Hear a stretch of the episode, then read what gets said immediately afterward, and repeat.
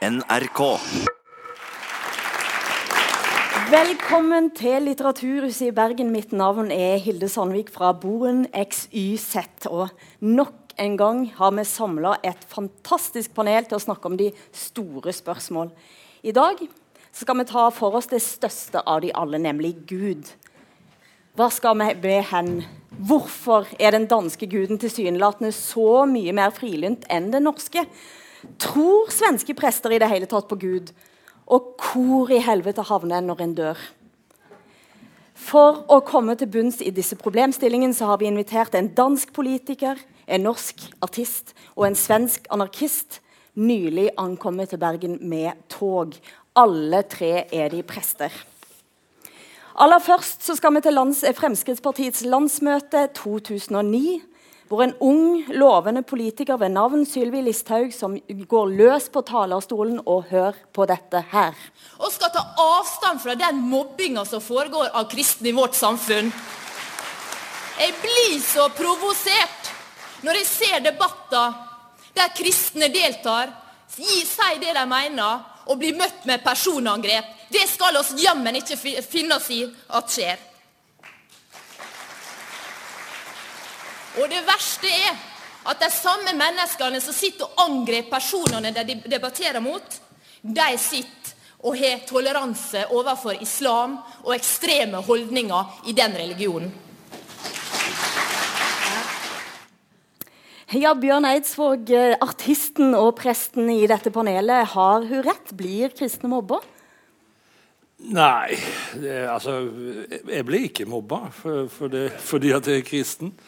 Eh, jeg kunne kjenne på det før i tida, men, men ikke nå. Men jeg, men jeg, tror vel at enhver som har utrerte meninger, altså meninger som går på siden av det allment uh, aksepterte, vi risikerer jo å bli mobba. Så det tror jeg gjelder alle, enten de er kristne eller muslimer eller Fremskrittspartifolk. eller hva det måtte være. Altså, jeg, jeg vil tippe at det er vel så mye at de tilhører Fremskrittspartiet som at de er kristne, at de blir mobba. Så, ja. Tobias Lofardin, eh, svensk eh, teolog, prest.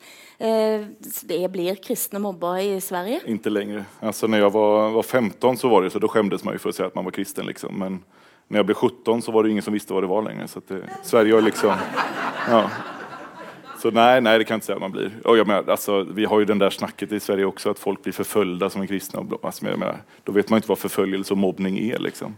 Jag har inte blivit spolad i toaletten för att jag är kristen. Liksom. Mm. Ja, Det skal vi òg eh, komme tilbake til, akkurat det. Men eh, Marie Høeg, eh, du er òg politiker som Sylvi Listhaug. Eh, prest og står nå på listen for de konservative. Tilhører i Danmark det såkalte tidevervmiljøet. Eh, først eh, kan du svare på du òg, altså blir kristne mobba i, i Danmark? Nei. det er faktisk i Danmark en meget stor respekt omkring kirken og omkring kristendommen og omkring tro. Øhm, så det gjør kristne bestemt ikke, og er aldri blevet i Danmark. Tvert imot så er kristne spørsmål, trosspørsmål, religiøse spørsmål virkelig altså hot stuff i Danmark. Og noe som alle gerne vil snakke om. Mm. Medierne vil gerne skrive om det, de vil gerne bringe det i radioen. Der er en meget, meget stor bevågenhed omkring det at være kristen, det at have et eksistentielt grundlag. Og hvorfor er det sånn? Det er selvfølgelig noget med vores, vores historie at gøre, at, at det altid har, har været der øh, på den måde, at vi har haft igennem vores åndshistorie, vores kulturhistorie, har haft dels en Grundtvig, som vi kommer tilbage til, Kirkegård. Vi har haft virkelig nogle, nogle åndsfædre, der har indlejret det i vores kultur på en, på en helt, helt særlig måde. Så det på den måde er blevet ligesom en, ja, indlejret i kulturen, men også i hjerterne, på, på en sådan måde, at der også er sådan en fin blodfærdighed omkring det. Altså, det er ikke noget, folk nødvendigvis taler så meget om deres personlige tro, men vi har det her begreb, vi kalder kulturkristendom. Mm. Ikke? Og, øhm, og, og derunder ligger, ligger ligesom også, at, at man har troen som det kirkegård kaldt den, altså den, den, altså inderligheden, den skjulte inderlighed. At det bare er noget, der ligger i vores hjerter. Øh, og det er der sådan en fin, fin respekt omkring.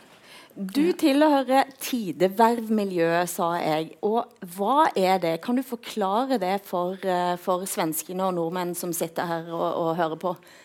Jeg kan prøve. øhm, nå skal jeg så si, der, der er så sket mange ting. Tideværv er en bevægelse, der, der virkelig der har bevæget sig også meget de senere år. Så jeg er, sådan, jeg er faktisk blevet lidt smidt ud af, af det gode selskab. Jeg tænker stadigvæk mig selv som grundtvigt tideværvsk. Men, men der har i de senere år, ligesom for at starte der, været en debat omkring øh, ægteskabet. Mm. Altså homo, og homoseksuelle. Og, og jeg går ind for hvilelse og homoseksuelle. Det gør store dele af den fløj ikke. Og de mener derfor ikke, at jeg ligesom kan være en kan karakterisere mig som tideværv. Men, men tideværv opstod i 1926 som en modbevægelse, øh, modbevægelse en bevægelse mod øh, studenterforbundet, som var KFMK, altså Indre Mission, ah, okay. som var kommet som en bevægelse igen på brændensianismen og hele kultur, den kulturradikale bølge. Øhm, og, og da opstod så tidværv, tidværvsfolkene, de første tidværvsfolk, de var en del af studenterbevægelsen, men studenterbevægelsen var øh, meget moraliserende og øh, altså, havde en meget så stærk seksual moral. Altså, de mente, at øh, onanister og folk, der levede let, de mistede synet som Guds straf over deres, deres udskejelse. Øhm, og, og tidværvsfolkene, de sagde, jamen alt det at danse og gå med damer og drikke øl, og alt de ting, det hører med til vores jordiske liv. Det hører med til at være menneske. Det er en del af det at være jorden tro. Øh, og det at være jorden tro, det blev ligesom sådan et slagord for tidværvsbevægelsen. Så de brød med den der studenterbevægelse.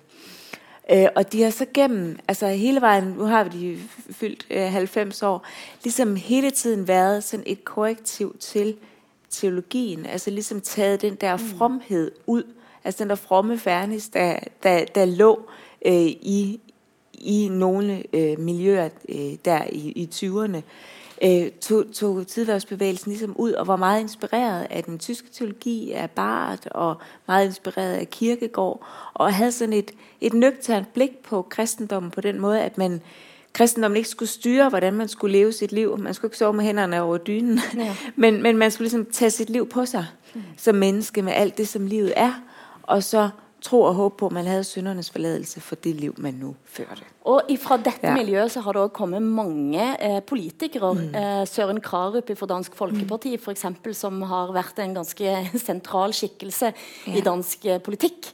Eh, vi har vel ikke så mye som minner om akkurat nei, dette? Nei, jeg sitter og tenker på hva det kan være. Altså, Eh, studenterforbundet i Det kristne studenterforbund i, i, Norge er litt av det. Altså det er jo motsatt av det du sier. Da, men altså, det var et liberalt uh, hva skal vi si, livsvennlig forbund. Jeg spilte der. Jeg, var, altså, jeg kommer fra et veldig lavkirkelig miljø her på Vestlandet. Og så spilte mitt band på, i Studenterforbundet i Oslo i 78-79. Eh, der ble vi også spurt om å spille til dans. Og det var servering av øl og vin. Og det var altså helt var, eh, For meg var det som å komme til himmelen. Men, men det var jeg, jeg, skjønte jo at de på bedehuset i Sauda hadde rett når de snakka om Oslo som syndens pøl. Men ellers så kom jeg ikke på liksom, Jeg tror ikke vi har noe tilsvarende det her i Norge. Nå skal vi jo i løpet av den neste timen faktisk bore i de forskjellene og noen likheter også, som er mellom norsk, svensk og dansk kristentro. Men la oss spole fram litt lenger i tid.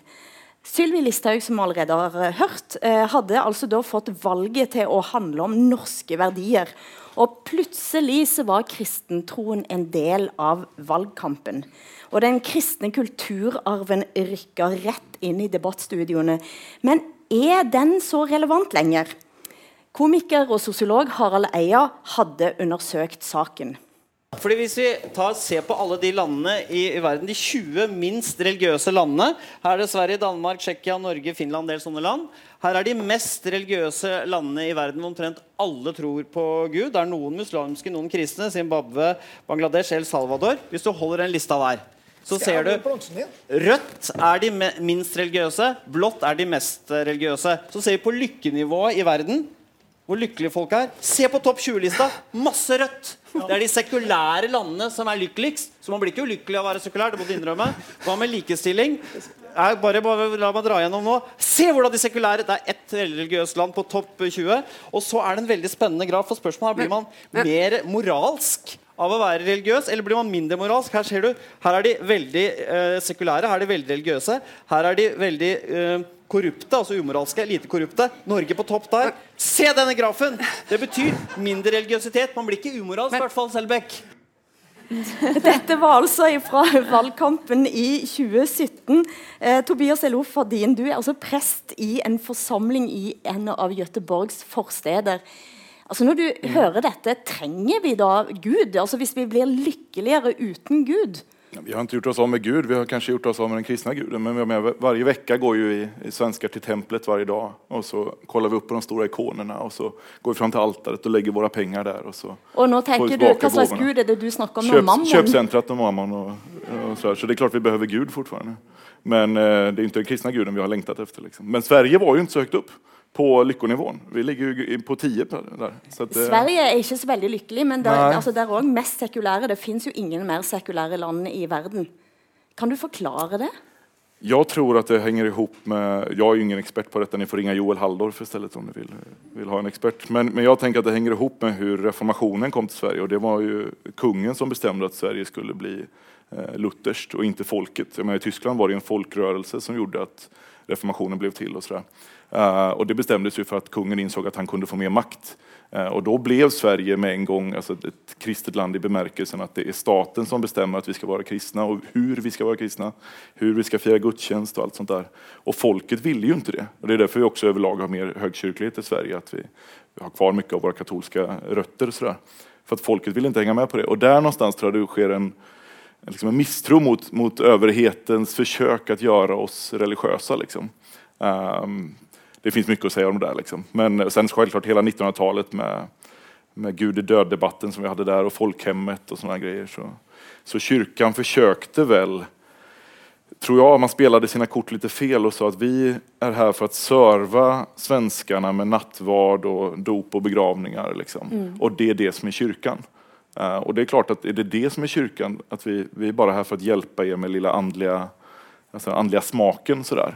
Eh, det betyder ingenting å være kristen egentlig, utan det er bare ett uttrykk for all andlighet som kan finnes. Då, då hittar man ju effektivare andlighet. För jag menar, det er ikke effektivt å gå til nattvarden for å bli lycklig.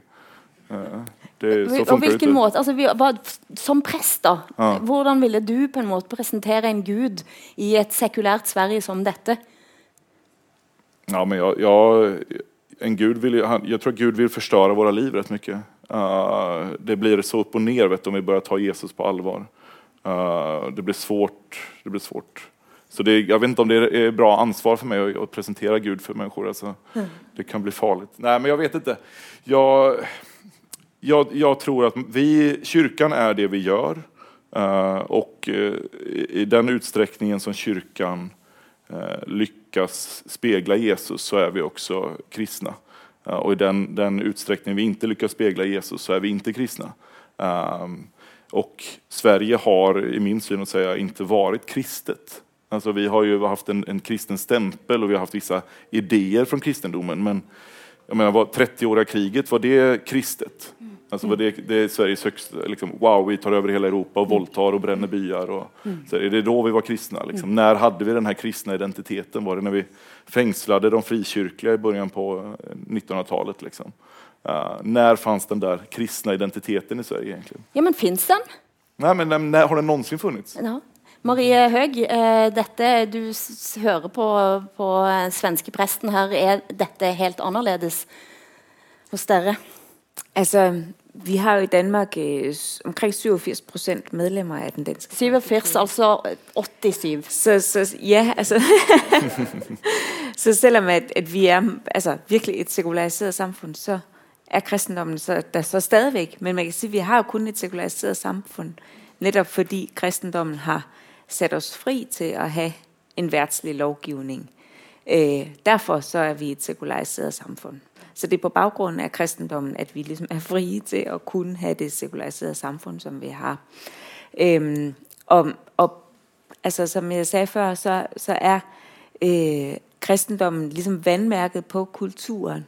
Altså sådan et usynligt vandmærke, der, der, hvor, hvor man godt er bevidst om, hvilken rolle kristendommen har spillet, og der er, der er også en større og større bevågenhed omkring, og større og større opmærksomhed i de her år, netop også hvor der er andre kulturer, der, der fylder i, i vores samfund, så er der sådan en søgen tilbage efter, hvad er det egentlig, der er vores, vores værdimæssige rødder, hvad er det der er vores åndelige øh, ryggrad, hvor er det, vi har vores, øh, vores moralske og, ja, og normsæt fra, vores menneskesyn, hvor er det egentlig, det kommer fra? Er det bare noget, først noget, der er kommet med oplysningstiden, eller hvor er det egentlig? Og, og, og der er ligesom sådan nu en griben tilbage, sådan en længsel efter, at komme bag ved det sekulariserede samfund og forstå, hvad er det egentlig, vi er, vi er grundet af. Ikke? Jeg vet, Bjørn Eidsvåg, du ser for eksempel den danske serien Herrens Veie. Eh, og, og, og, som spiller egentlig ganske rett inn i det Marie Høeg nå snakker om. Ja, jeg har sett den med stor interesse, og jeg syns det, det, er en veldig bra serie. Og det er en serie som våger å ta tak i teologiske spørsmål av uh, som, som, er litt kompliserte og vanskelige. Så, og det at dette er en populær serie også i Danmark, sier meg noe om at danskene har en større åpenhet. Og, og jeg tror at det du sier om uh, at Kirken har vært så knytta til kulturen uh, Jeg tror det er veldig viktig. Og så har dere hatt store tenkere. Altså Løkstrup og Kirkegård og Grundtvig vi har vel òg hatt noen, tenkere, men ikke, ikke av det samme uh, teologiske format. Jeg gjør en del uh, turneer i Danmark, altså jeg spiller en del i Danmark. Og da jeg kom dit i begynnelsen av 40-erne og, og, spilte i kirker, så var det en, en uh, befrielse. Fordi at altså, åpenheten på det var ingen som spurte der om de kunne få repertoaret mitt eller sangene mine før jeg spilte i en kirke. Det gjorde de i Norge.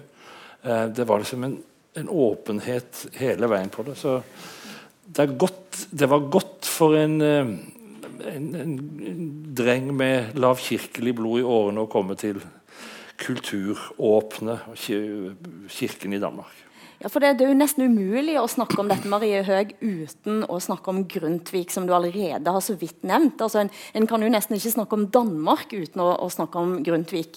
Eh, og ikke bare sørger han for at eh, ikke alle dansker bare ble tyskere, eh, men han satte et stempel altså, på flere hundre års historie. Og hvorfor? Kan du gi en, liten, en kort, liten Grundtvig-leksjon eh, for oss? Mm. Ja, altså han blev født i 1783. Kan vi begynde der? Nej, han, ja, altså Grundtvig var både, øhm, han var teolog, og han var politiker, og han var skolemand, og han var kulturmand, og han var dansker, og han var digter, og han var, han var ligesom, han havde simpelthen sit, sat sit historiker, han havde simpelthen sat sit aftryk på alting. Øh, og det gjorde han, fordi at han hele tiden, tror jeg, igennem sit liv, var i en sådan kamp med sig selv i forhold til troen, i forhold til samfundet, i forhold til det at være dansk, i forhold til oplysning. Øh, men Grundtvig, han skrev, at han er den dansker, der har efterladt sig det største forfatterskab. Øh, og det her Grundtvig, men vi kunne jo snakke 10, 10 aftener om ham. Men men han, han formåede at tænke, øh, tænke danskhed, og tænke historie, og tænke mytologi, og tænke poesi, ligesom sammen med kristendommen hele, hele tiden at tænke det som en del af menneskets dannelse, en del af det af menneskets rod, ligesom både at have en historisk bevidsthed, og have den kristne bevidsthed, og have poesien, og også det der det menneskesyn. Altså Grundtvig sagde, at mennesket er en guddommelig skabning af støv og ånd, der gennemtrænger hinanden. Øh, og forskellen på os og aberne, det er, at vi ligesom har sproget, og der har han ligesom lagt det der med poesien øh, i det danske folk, og vi har også den her højskolesangbogen, som I måske har stødt på i Danmark, og det er jo det, vi er jo det eneste land simpelthen i verden, der har den her bog, Alle, med- det er sånn, du får, du får han omtrent i fødselsgave. Ja. Altså, Vi blir født med skiv på beina i Norge. Dere blir født med en sangbok på Ja. nattbordet. Ja, ja, simpelthen. Og, og i den sangbog, og det Grundtvigs fortjeneste, vi har den, der er, ligger he, liksom hele vores kultur. Og der har Grundtvig, han havde, et, et, altså han havde dels med de, den gudelige vækkelse øh, dengang i 1800-tallet, som er opstået som en, en reaktion på, på rationalismen, hele fornuftstyrkelsen, øh, hvor Grundtvig mente, jamen, hvis ikke man tænker mennesket som et åndsvæsen, som et skabt menneske, øh, jamen så, så taber man ligesom noget af forståelsen for, hvad et menneske er. Men han kunne heller ikke lide de øh, gudelige vækkelser, altså pietisterne, dem kunne han heller ikke lide, fordi at, at der var den der, også den der fromhed, som tidværvsfolkene senere heller ikke kunne fordrage. Ikke? Så Grundtvig, han, han, han, han, han havde virkelig kampe med sig selv, og han var mani- maniodepressiv, det bærer hans værker også. Øh, der er ingen, hvis ikke man er maniodepressiv, så tror ikke, man kan skrive, så, som han har gjort. Men det er mye Men blomster har- og mindre pine. Præcis, mm. ja. Og han har han har kæmpet med, kæmpet med troen og kæmpet med det selv at være en synder. Øhm, men man kan sige, at Grundtvigs kristendom, den opstår påskemorgen. Altså, så han lægger ligesom en, øh, det er også, man taler om Grundtvigs kristendom, som, eller grundtviganismen, som sådan en let og lys mm. kristendom i, i modsætning til Brosson og Kinko, som var hans forfædre, mm. som han jo lænede sig op af, men også gjorde op med, fordi at de sagde, at livet er bare sådan en jammerdal. Altså Kinko havde skrevet en salme, der hedder Far verden, farvel, mm. og der kan man ligesom høre det hele. Ikke? Altså det her jordiske liv, det er bare noget, vi skal skynde os at komme igennem. Ikke? Hvor Grundtvig sagde, mit, mit land siger Herren er himmel og jord. Altså Guds rige er både himmel og jord. Ikke? Og han skriver om vidunderligste alt på jord af Jesu Kristi. Altså han binder simpelthen, han, han binder det sammen, og han siger, at mennesket er himlens og jordens sammenavlede børn. Så han ser simpelthen det jordiske liv som noget helt fantastisk, øh, og ikke som den her jammerdal, men som simpelthen en spejling av Guds rige. Og det er derfor, vi har den her lyse kristendoms øh, forståelse i, i Danmark, som så på den måten liksom er blevet indlejret i vores, i vores kultur.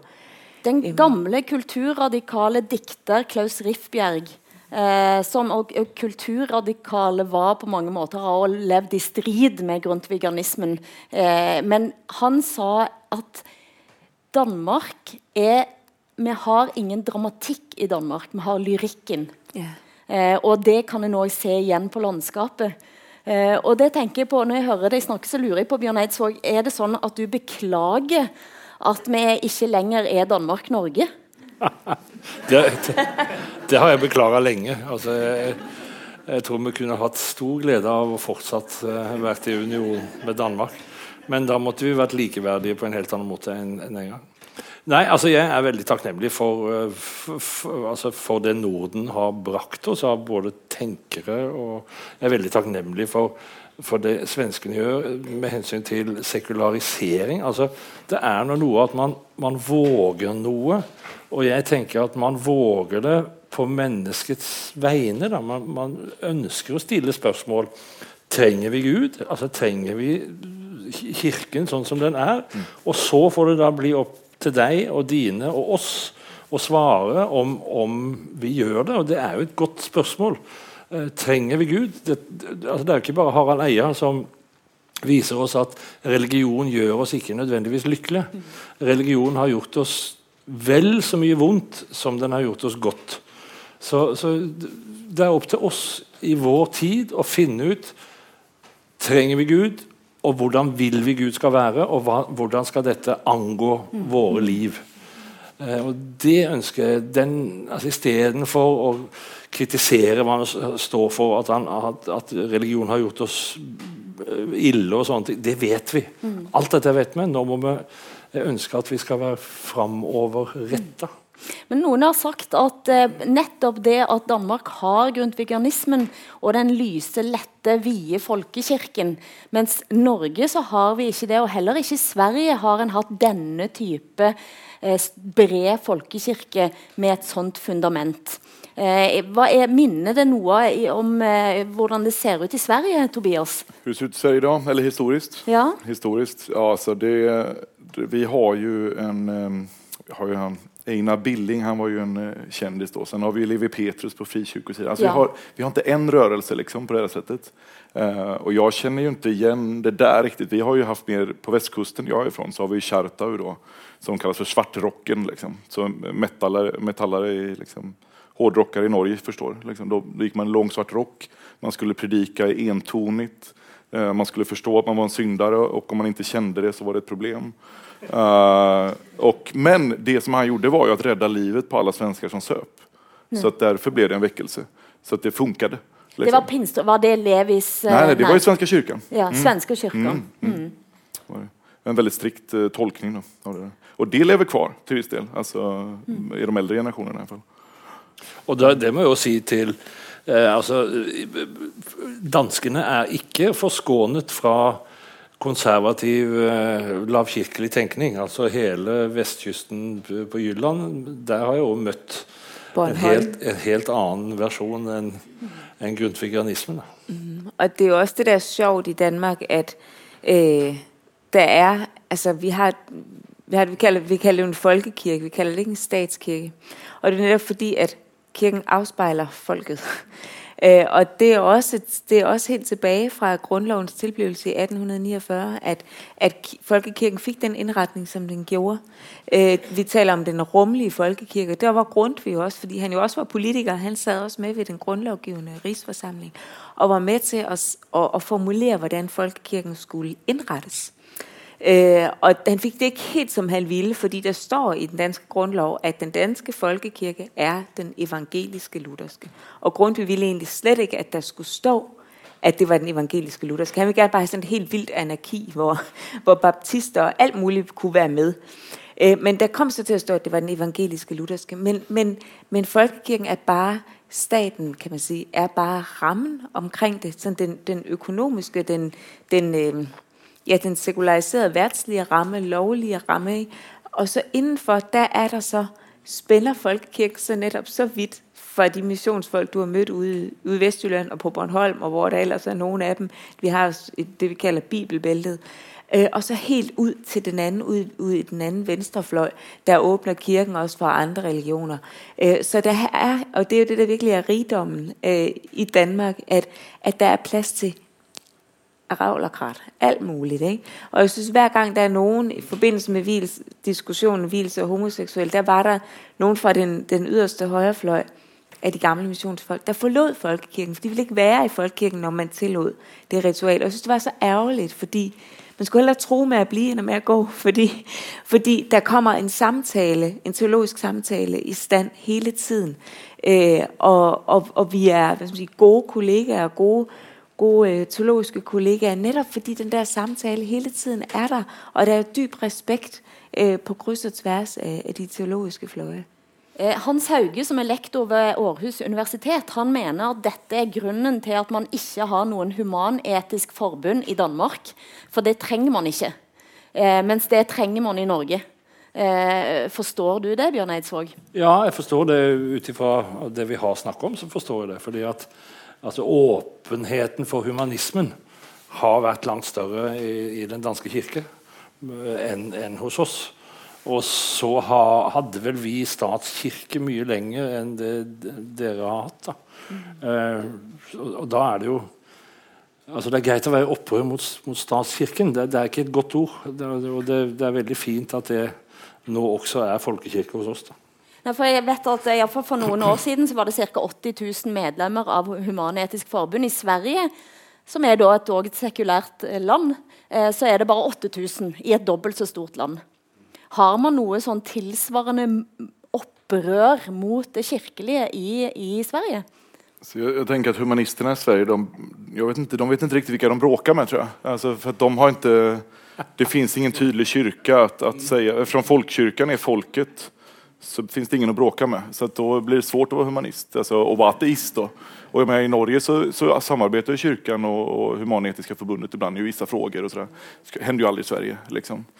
Uh, jag menar Christer Sturmark då, en av våra stora ateister, när han försökte profilera sig i början för, ja, men för 20 år sedan. Då, då försökte han ju bråka med kyrkan, men han hittade ju ingen att bråka med direkt. Uh, och idag så är det ju han tillsammans med lite olika kristna tänkare som som formulerer mye av det hva, Hvordan skal vi gå framover sammen? Mm. Nei, fordi Det er jo interessant. Altså, det er ikke så lenge siden det var en, et bråk i Sverige rundt faktisk i å bære kors. Nå har vi jo alle sammen som sitter her, har flagg med kors i. Eh, allikevel så er det òg en norsk programleder som fikk påtale fordi hun hadde kors på seg på NRK. I Sverige så begynte man å bråke faktisk internt, til og med i kirken, eh, rundt det og den, en kampanje som ble kalt for Mitt kors. Og la oss høre på dette klippet fra Ekspressen TV. Efter att den franske prästen mördades inne i sin egen kyrka startade tre svenska präster som driver bloggen Kristen Opinion Facebookgruppen Mitt Kors. Syftet med gruppen är att uppmana kristna att ta selfies med sina kors och lägga ut på sociala medier för att stötta förföljda kristna. Men inte alla höll med om att initiativet tjänade det syftet. Gunnar Sjöberg som arbetar som kommunikationschef på kyrkokansliet i Uppsala kritiserade det i ett inlägg på sin privata Facebook och i sin blogg. Han kallar gruppens uppmaning för okristlig och uppviglande. Det eftersom korset riskerar att användas som ett tecken mot en annan grupp bekännare istället för bara som ett tecken för utsatta kristna. Men Helena Edlund, som är en av grundarna av Mitt Kors, håller inte med om att deras kampanj skapar ett vi och dem, så som Gunnar Sjöberg pekar på. Hon säger att korset används inte mot någon, utan det används för någon. Det används för att visa på hopp och kärlek och solidaritet i en värld av mörker och våld. Ja, Tobias eh, Elof Hadin, eh, vi sitter her altså på Litteraturhuset i Bergen og skal prøve å forstå forskjellen på norsk, svensk og dansk tro. Og det å høre at en fra kirken reagerer på en kampanje som heter Mitt kors, ja. hvordan forklarer du det? Ja, det, det får vel han forklare selv, tenker jeg. Men uh, det, det, som nevnes veldig snabbt her, er jo at det er en blogg som heter Kristen Opinion, som startet det her. Og da var det mange som blandet ihop kampanjen som de startade, Mitt kors, som egentligen inte alls behövde startas av dem, ju, uh, med då deras bakgrund i, där de länge har kritiserat Svenska kyrkan på, på riksnivå och, och uh, från ett ganska konservativt uh, håll och invandrarkritiskt håll. Då.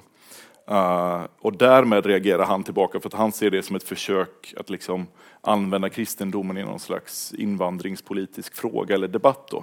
Og jeg tror ikke alls at det var det de menade. Uh, men i og med at de kommer fra den der bloggen uh, så kopplades det. Då. så det var vel det, det var liksom, det fanns en, en det fanns redan ett bråk eh, och sen så blev det här en tydlig symbol någonstans då. Och självklart låter det ju jättekonstigt när, när kyrkans eh, kommunikatör eh, säger att, det, man inte kan, att korset blir en, en symbol mot andra. Liksom. Det låter ju jättekonstigt. En har jo òg hatt eh, biskoper i Stockholm, bl.a. biskopen i Sto Stockholm, som, som, foreslo at man skulle bære ut korset med hvilken, noen anledninger eh, for å kunne invitere andre inn og peke ut retningen til Mekka. Det er en sånn der fake news-greie. Uh, det har ikke hendt. Det har ikke hendt? Nei, det har ikke hendt.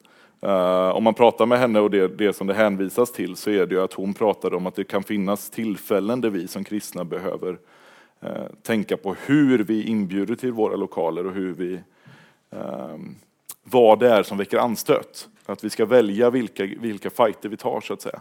Eh, och sen så var det ju då i frågan om, om de här platserna till exempel på sjukhus eller andra ställen där, där flera religioner behöver få plats i ett rum. Kan inte Svenska kyrkan då, som traditionellt har varit de enda på de här platserna, visa gästfrihet mot, mot andra religioner i de rummen då?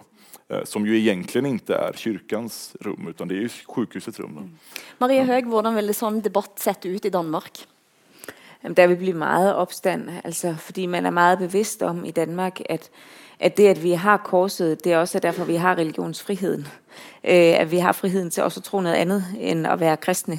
Øh, og det er ligesom på det grundlag, at vi både kan være jøder og muslimer og kristne og ateister mellem hinanden. Det er fordi, vi har kristendommen som, som frihedsgrundlaget. Øhm, og, og, og altså, hver gang der ligesom er ansatser til, øh, og det har ofte været i kirker i København, at nogen ligesom har givet køb på, på, på kristendommen og, og ligesom ladet, ja, ladet islam tale i øh, kristne kirker, så har det altid været en meget, meget vældig opstand omkring det. Øhm, fordi at man ligesom skal, ja, ha, hver religion skal have sit rum øh, men, men leve i gensidig respekt øh, over hinanden. Men det øjeblik, vi giver køb på, hvad kristendommen er, giver køb på korset, så sælger vi så også ud af vores, religionsfrihed, vi sælger ud af vores kultur. Så fordi der er meget, altså der er en, i kraft af den her stærke bevidsthed om, hvad, hvad kristendommen har betydet i Danmark, øh, der er der også, når, når kirken, og det er der tendens til, og der er også biskopper, der er øh, på den måde altså meget pro-islam og, og meget, øh, hvad skal man sige, meget let eller ligesom skjuler, skjuler korset. Ikke? Øh, der er der altid en, en meget stor folkelig opstand imod det. Mm. Ja. Vi skal over til noe som preger norsk eh, teologisk debatt og kristen debatt i mange år. Eh, bare et lite, snart klipp fra den såkalte helvetestalen til Ole Hallesby fra 1953. Nå skal vi høre et lite klipp av noe som det går an å høre i sin helhet på YouTube. Det er ikke bare Gud som preker om omvendelse, også Satan. Satan preker. Han tar en av bibelstedets tekst Da han fristet Jesus, så begynte han slik Der står skrevet han, og så siterte han et helt vers fra Gammeltestamentet. Det var eh, Ole Hallesby som holdt en andakt på radioen i 1953, der han bl.a. sier hvordan kan du som er uomvendt, hvordan kan du legge deg rolig til å sove om kvelden, du som ikke vet enten du våkner i din seng eller i helvete. Og Bjørn Eidsvåg, kan du forklare hvorfor dette skapte en så stor oppstandelse? Jeg var ikke til stede. Eh, dette skapte stor oppstandelse fordi at eh, det kom jo Hele det norske folk fikk høre det. På, på bedehus rundt omkring så hadde man hørt det en stund, hadde hørt det lenge. Men plutselig så ble det lagt ut til hele, hele det norske folk, og da var det mange som ble skremt. Det var mange som ble veldig redde. Eh, og det ble, ikke minst var det mange som ble sinte. Og Biskopen på Hamar, Schjelderup, tok jo til motmæle eh, og gikk i klinsj med, med Hallesby og den bevegelsen. Og erklærte helvete for avskaffet i, 19, i 1954. Dette fikk ikke jeg vite før uh, rundt 1980. Hadde ikke jobbet Så, uh, men jeg har gjort så godt jeg kan i etterkant for å prøve å streke under med to streker hva, hva Schjelderup sa. Altså, helvete, sånn som det snakkes om her, er en, er en oppfinnelse i ettertid. Altså, det fins ikke i Gammeltestamentet, det fins ikke i Nytestamentet. Det er noe som på en måte Dante og billedkunstnere har skapt. altså Det helvete som vi ser for oss, og som han beskriver her. Men du Så vokste opp med, med, denne altså Selv om ja. Hallesby du var ikke I 53 var du ikke til stede og kunne høre dette, men der du vokste opp i Sauder og gikk ja. på bedehuset, så var jo dette noe du kunne huske og kjenne igjen. Ja, altså Ikke bare noe jeg husker, men noe som var som satte seg i oss noe voldsomt. altså Det var eh, hele spørsmålet Jeg var Jesus-fan og syntes Jesus var det kuleste som fantes. Ikke minst pga. hans forkynnelse og hans stillingtagen til svake og utstøtte og opposisjon mot presteskap og myndigheter. Men hele veien så ble det plassert litt i skyggen, fordi at det viktigste var at vi måtte komme oss til himmelen og unngå helvete. Og det, Den dag i dag så, så møter jo jeg folk som sier at hvis du avskaffer, sier til meg da, Hvis du avskaffer helvete, hva er vitsen med å være kristen da? Mm. Og Det er et ganske nedslående spørsmål. Altså. Det er sånn, da har, da har, vi ikke nådd ut med den forkynnelsen som vi kunne ha nådd ut med, som handler om frigjøring og oppreising. og ja. Tobias, jeg vet at du har òg eh, vært opptatt av helvete og snakka om helvete. Mm. Eh, hvorfor Kjenner du igjen Nei, men, dette? Jo, jeg kjenner igjen debatten. Eh, det gjør jeg. Men jeg, kjenner også igjen den her. Altså, man, når vi ikke lenger kan si at vi behøver Gud for å være lycklig så kan man kanskje hitta på at vi behøver Gud for å slippe helvetet. Altså, var er liksom den gode Hva er det vi behøver Gud til? Det er det kyrkan har mislykkes med å berette, mener jeg. Uh, og om vi ikke kommer til Gud for at vi lengter efter det som Jesus er og den som Gud er, det, har vi kommit till Gud då? Om vi liksom kommer till en Gud för att vi är rädda för att bli slagna, är det, är det den kristna tron? Liksom, det kan det inte vara. Därmed så tänker jag att, att det blir ännu farligare att säga helvetet är avskaffat, för då vet man, vet man bättre än Gud själv. Uh, och den här dubbelheten i kristendomen, alltså att, att det finns en dom uh, som, som kommer komma. Uh, och den behöver vi, för att om inte vi tror på en dom, då har vi inget hopp. Om inte vi tror att, att Gud kommer döma världen, då kommer inte orättvisorna ta sig tur med. Då kommer det, miljöförstöringen vinna, då kommer rasismen vinna, då kommer förtrycken vinna. Domen vill ju vi ha, men vi vill aldrig att den ska drabba oss själva. Uh, og det er problemet. Uh. Der har været sådan en, en lidt tilsvarende debat i Danmark om, om helvedet i 1800-tallet. Øh, på en store romanforfatter i, i, øh, i under det moderne gennembrud, han skriver i, kan ikke huske om det er det dødes rige, tror jeg, hvor han skriver om et, et kirkemøde i øh, i en lille jysk by, hvor folk er stemlet sammen. Og det, der skal foregå på det her kirkemøde, det er, at de skal stemme om med håndsoprækning om, hvorvidt helvedet findes eller ej. Ligesom for at få det afgjort. Men Grundtvig, han tog faktisk også øh, problemet helvedet ligesom ved, ved hornene, og, og faktisk så, så var hans tanker omkring helvedet også forløberen for den helvedesdebat, der så kom i, i Norge. Fordi Grundtvig, han skrev et... Øh, han skrev så simpelthen ud af det. Han skrev en, en lang, lang salme på, jeg tror den er 4-25 vers. I kvæld blev der banket på helvedes port, hvor han forestiller sig, at natten mellem øh, påske lørdag og, øh, og påskedag, der øh, står, går Kristus ned i helvedet, ned i de dødes rige, og møder dem alle sammen. Øh, og, øh, og, og der er øjler på gulvet, og det, han skriver det, beskriver det meget malerisk. Og der møder han Adam og Eva de første mennesker. Og Eva var jo det første menneske, der, der fejlede. Øh, det første menneske, der var uperfekt, og det første menneske ligesom fik synden med ind i verden. Øh, og hun, øh, hun møder ham og har tårer i øjnene, og hun siger, kan du undskyld, det var min skyld. Det var, det var mig, der gjorde det her. Det er min skyld. Vi alle sammen er havnet nede i det her helvede. Og så siger Kristus til hende, jamen, tag, gå med mig op. Tag med mig op i i lyset. Og i det han siger det til hende og møder hende, giver hende tilgivelse, så falder der to guldtårer ud af hendes øjne. Han skal, skal, I skal prøve at finde den. Det er en meget, simpelthen helt fantastisk salme. Drøser simpelthen to guldtårer ud, og så tager han hende med ved hånden op. Og det var der også, han har sagt en helvedesballade omkring, fordi hvordan kunne det være, at, at, man, at Kristus bare kunne tilgive Eva? Men, men det gør han, fordi at Grundtvig jo netop, nu sagde du også selv, at vi synger om blomsterne i stedet for om korset, fordi Grundtvig tænker, at Kristus kommer ikke med dommen, han kommer med frelsen. Og øh, til sidst i den her salme, der skriver, øh, skriver Grundtvig, at øh, kun, altså nede i dødsriget, der sidder kun døden og djævlen og alle de, ligesom alle de sorte tilbage. Fordi at det også er noget, mennesket selv på den måde vælger. Altså hvis man, hvis man vil gå med ham, så har man tilbuddet om frelse.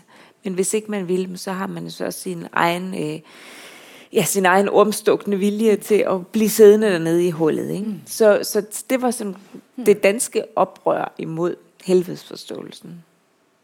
I 2015 så skapte en dansk præst, eh, Per Ramsdal, rystelse selv i den danske folkekirken nettopp rundt dette med oppstandelse. Eh, og eh, her skal vi høre Per Ramsdal hos Martin Krasnik i Deadline. Velkommen til deg, Per Ramsdal. Du sier at du ikke tror på oppstandelsen. men det er jo selve trosbekendelsen, du setter spørsmålstegn ved der. Ja, Oppstandelsen er uhyre vigtig i kristendommen, men det er jo ikke noen der har sett at Jesus rent fysisk er gået ut av graven. Så øh, vi kan kun forholde os til det med tro ja. eller tvivl. Der er godt nok nogen, der har fortalt, at de har mødt Jesus, efter han var opstået. Men, og det må vi jo forholde os til. Men det er jo også derfor, det er trosbekendelsen. Det er jo det. Og jeg synes jo, at øh, budskabet om opstandelsen er vigtigt. Det, at øh, Gud øh, selv eller Guds søn har overvundet døden, øh, det er et vigtigt budskab for os, uanset om det er sket men, rent men, fysisk. Men prøv lige at forklare, hvad, betyder, hvad mener du, når du siger, at du ikke tror på opstandelsen? Af ja, konkret? altså jeg har sagt til Jyllandsposten, at jeg tror ikke på en fysisk opstandelse, at Jesus rent fysisk er opstået. Det har jeg i hvert fald svært ved at forestille mig. Ja, det har han svært ved å forestille seg, sier da denne eh, presten. Og dette skapte store diskusjoner og, og krav om at han måtte gå av som prest. Bjørn Eidsvåg, du har nettopp satt punktum for boken 'Tro og trass'. Ja, Den er ikke helt satt. Nei, men litt. Men, eh, vi er i Du har lagt kapitlene ferdig. Eller nesten ferdig. Men her skriver du foreløpig i det som blir avslutningskapitlet Mitt evangelium hadde nok begynt på denne måten. I begynnelsen var mytene. Mytene skapte Gud. Gud er en myte. Hvorfor har ikke du forlatt kirken? Fordi jeg har veldig sterk tro på at myter er viktige. Jeg har veldig tro på, altså Alle kulturer, tidligere kulturer har lent seg på to måter å forstå verden og livet på. og Det er logos og mytos. Altså logos, fornuft, rasjonalitet. Forstå så mye vi kan. Og så er det sånn at eh, i, altså, rasjonalitet kan ikke trøste oss. Kan ikke bære oss gjennom livets store altså, smertefulle opplevelser. Det kan mytos. Og, og for meg så er det Jeg, plasserer hele min tro innenfor mytoskonseptet. Og Derfor kan jeg jo si, sånn som han danske presten her, at altså, jeg, jeg syns på en måte at definisjonen av å tro er i altfor stor grad som å, gi en tilslutning til et teoretisk system i vår tid. Sånn har på en måte den uh, kirkens budskap havna ut. Jeg tror at tro handler om handling og engasjement og uh, lidenskap.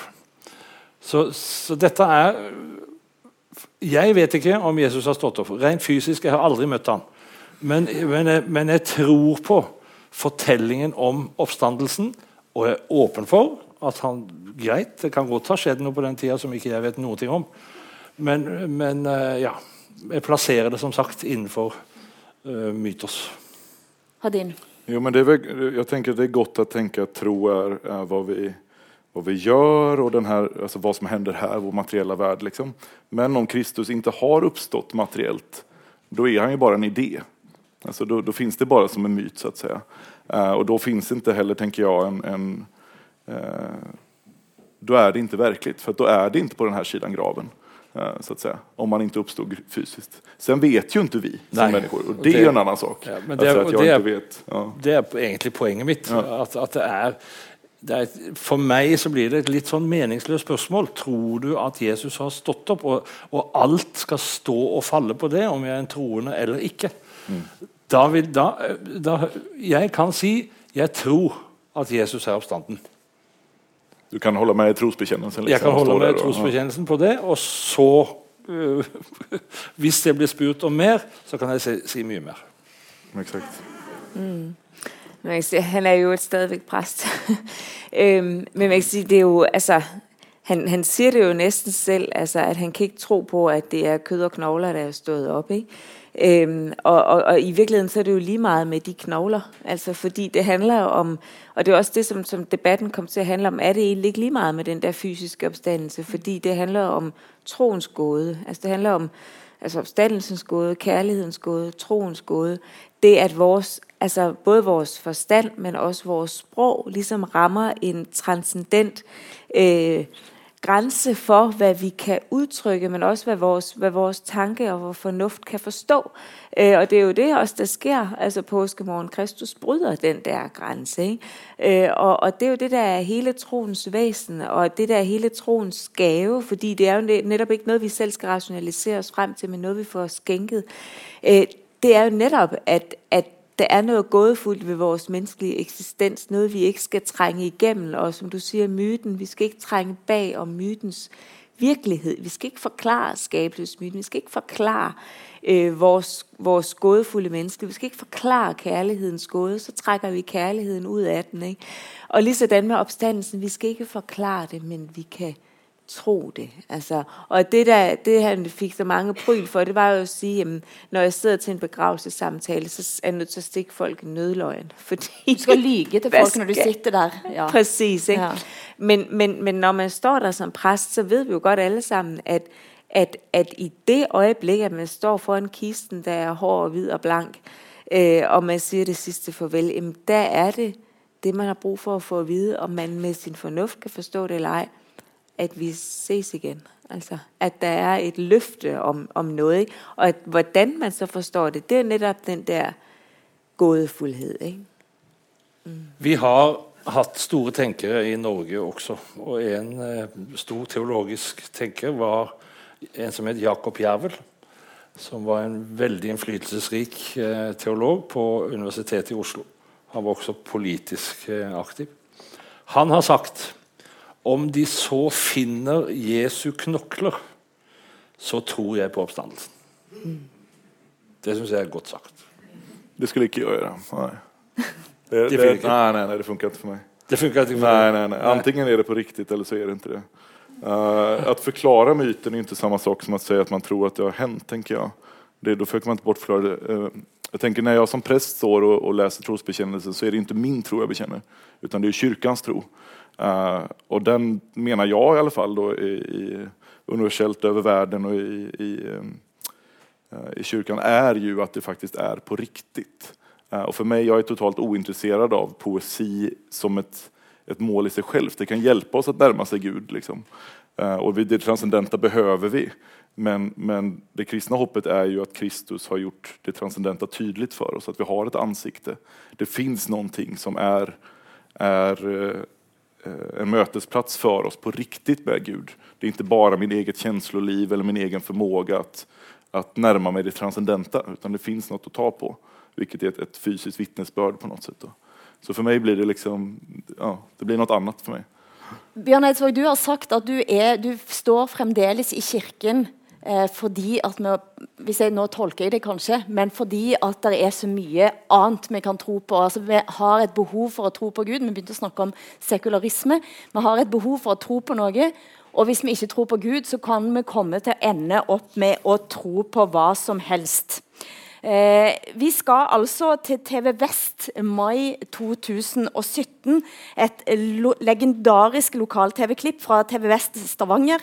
Og intervju med al- spaltist i Rogalands Avis, eh, Påske. Og hør på dette her. Og Christian Påske er en mann du skal få treffe nå. Han blogger om veldig mye spennende. Nå den seneste tida har du Christian, blogga om at jorda er flat. Men hvis jorda Kristian, er flat, hvor ender den hen da? Hvor er den ene enden? Eh, Det er et godt spørsmål. Altså, Jorden slutter i Antarktis. Antarktis er ikke bare et, sånn et lite område hvor til og med 40 nasjoner er, har eierskap til. Antarktis ligger hele veien rundt. Altså, Det er på en måte et isøde som omgir hele jorden. Eh, og Så kan du da selvfølgelig begynne å spørre ja, hvor slutter det henne igjen. sant? Men da, begynner, da kommer du tilbake til spørsmålet hvor slutter verdensrommet? Det- Dette med at jorda er rund, mener jo mange er opplest og vedtatt. Vi har jo til og med sett det fra satellittbilder fra verdensrommet. Du, altså De satellittbildene, hvis du går inn og ser på det, så kan du se at det er noen som er veldig dårlig i Photoshop. De manipulerte alle de der bildene der. Altså NASA det er bare en stor propagandamaskin som bare lager masse tull og tøys. Det har ikke noe med virkeligheten å gjøre det hele tatt. Hvis du undersøker all den informasjonen som kommer derifra, så, de ler oss rett opp i trynet. Det var da altså Christian Blå påske til Veronica Simone Fjell i eh, TV Vest. Eh, eh, dette er, det begynner jo å komme ganske mange, både i Danmark og Norge, som jeg vet mest om i forhold til altså, tro på at jorda er flat. Da. Er det dette du tenker at vi må unngå, at vi må tro på Gud, for hvis ikke så havner vi her? blir jo flat. Ja, jeg tror, altså, dette tror jeg Jeg tror han påske han godter seg når han kommer på TV og får lov å si, si dette her. Altså, jeg tror det er vel så mye er en, en, en spøk som det er reelt. Men, men at eh, altså at religiøsitet, at åndelighet, kan gå av skaftet og, og bli rare og ødeleggende ting, det har vi jo sett. Det har jo historien vist. Og her eh, mener jeg at Kirken har en, en god fortelling. Kirken har noe å komme med og har lang trening i å behandle tro og behandle religiøsitet. Og er et, et, ja, et, et stabilt Tross alt et stabilt element eh, inn, inn i trosverden som jeg ønsker å være med på å heie fram. Du nikker, Hordin? Mm. Ja, nei, men man får jo satsa sine kort på någonting og da syns tycker jeg at Jesus er bäst. Men eh, ja, jag tänker att så här, det, nästa teori är att jorden inte finns, tänker jag. Och den är lättare att tro på Ja. än, än det där, tänker jag. För det, ja. Jeg tror måske ikke det værste, eller vores største risiko, det er at tro, at jorden er flad, hvis, kristen, hvis vi taber kristendommen. Men den største, den største fare, vi er i, når vi taber troen og taber kristendommen øh, som vores eksistentielle grundlag, det er jo, at vi kommer til at tro for meget på os selv. Og kommer til at tro på, at vi selv er øh, verdens ubestridige midtpunkt, men også glemmer, at vi er, og det, det er også det, vi ser i vores kultur, både i Norge, Sverige, Danmark, i hele den vestlige verden i det hele taget, at mennesker tror, at vi er, at vi er perfekte, og vi kan skabe os selv. Og i det øjeblik, vi tror det, jamen så, så sejner vi ligesom under, under den belastning, eller under blikket på os selv. Fordi det kristendommen fortæller os mennesker, det er jo netop, at vi er uperfekte.